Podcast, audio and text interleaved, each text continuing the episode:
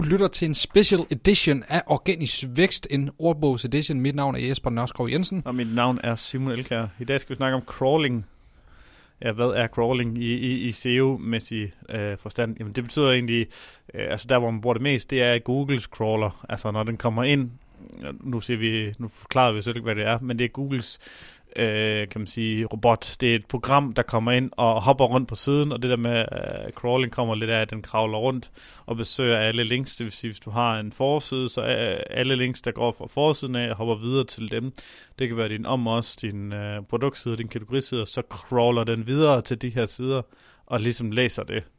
Øhm, det er jo ikke kun Google, der har crawler. Der er faktisk rigtig mange, der har crawler tools. Um, ja, uh, Bing, alle de ting, som der ligesom prøver at og, og, og, og, og summere sider, de skal hoppe rundt, og så crawle rundt på siden, og ligesom få alt uh, info uh, via det. Så crawle, en crawler, og hvad, altså, hvad er crawling? Det er noget, et program, en crawler gør. Altså hopper rundt på siden, og ligesom summerer og gemmer indhold.